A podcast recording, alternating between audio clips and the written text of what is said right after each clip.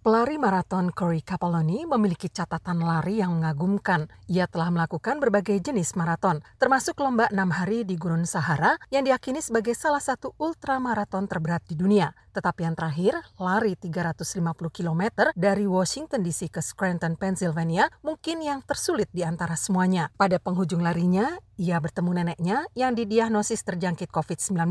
Ia menjelaskan, She was uh, becoming increasingly depressed. and Ia semakin scared. tertekan dan takut, khawatir ia tidak akan lagi dapat melihat kami, dan tidak ada kontak dengan keluarga. Maksud saya, ia berhubungan melalui telepon, tetapi tidak ada kontak fisik dengan keluarga dan teman-temannya. Gagasan mengenai berlari dari Washington DC ke Scranton untuk menengok Ruth, sang nenek, muncul dari kekasih Capelloni, Susan Kamenar. Pasangan ini membahas gagasan tersebut dengan panti jompo di mana Ruth tinggal dan membuatnya sebagai kesempatan untuk menggalang dana bagi fasilitas tersebut. Berbekal tekad dan peta dari Google Maps, mereka memutuskan Susan akan mendampingi kekasihnya di dalam mobil karavan dan bertanggung jawab untuk logistik dan dokumentasi perjalanan tersebut. Tetapi beberapa hari sebelum rencana mereka berjalan, Capelloni diberitahu bahwa neneknya didiagnosis terjangkit COVID-19.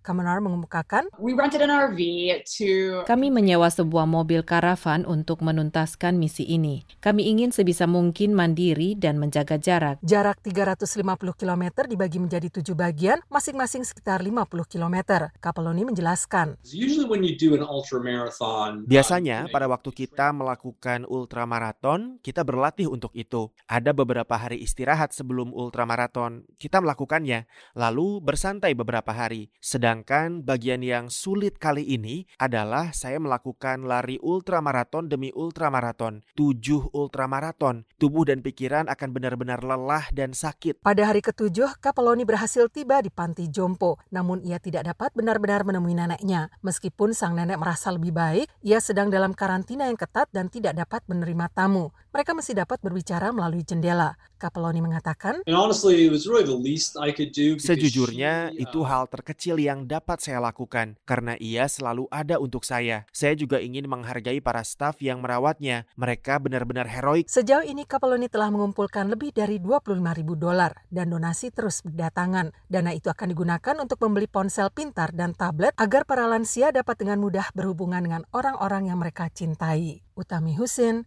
VOA Washington.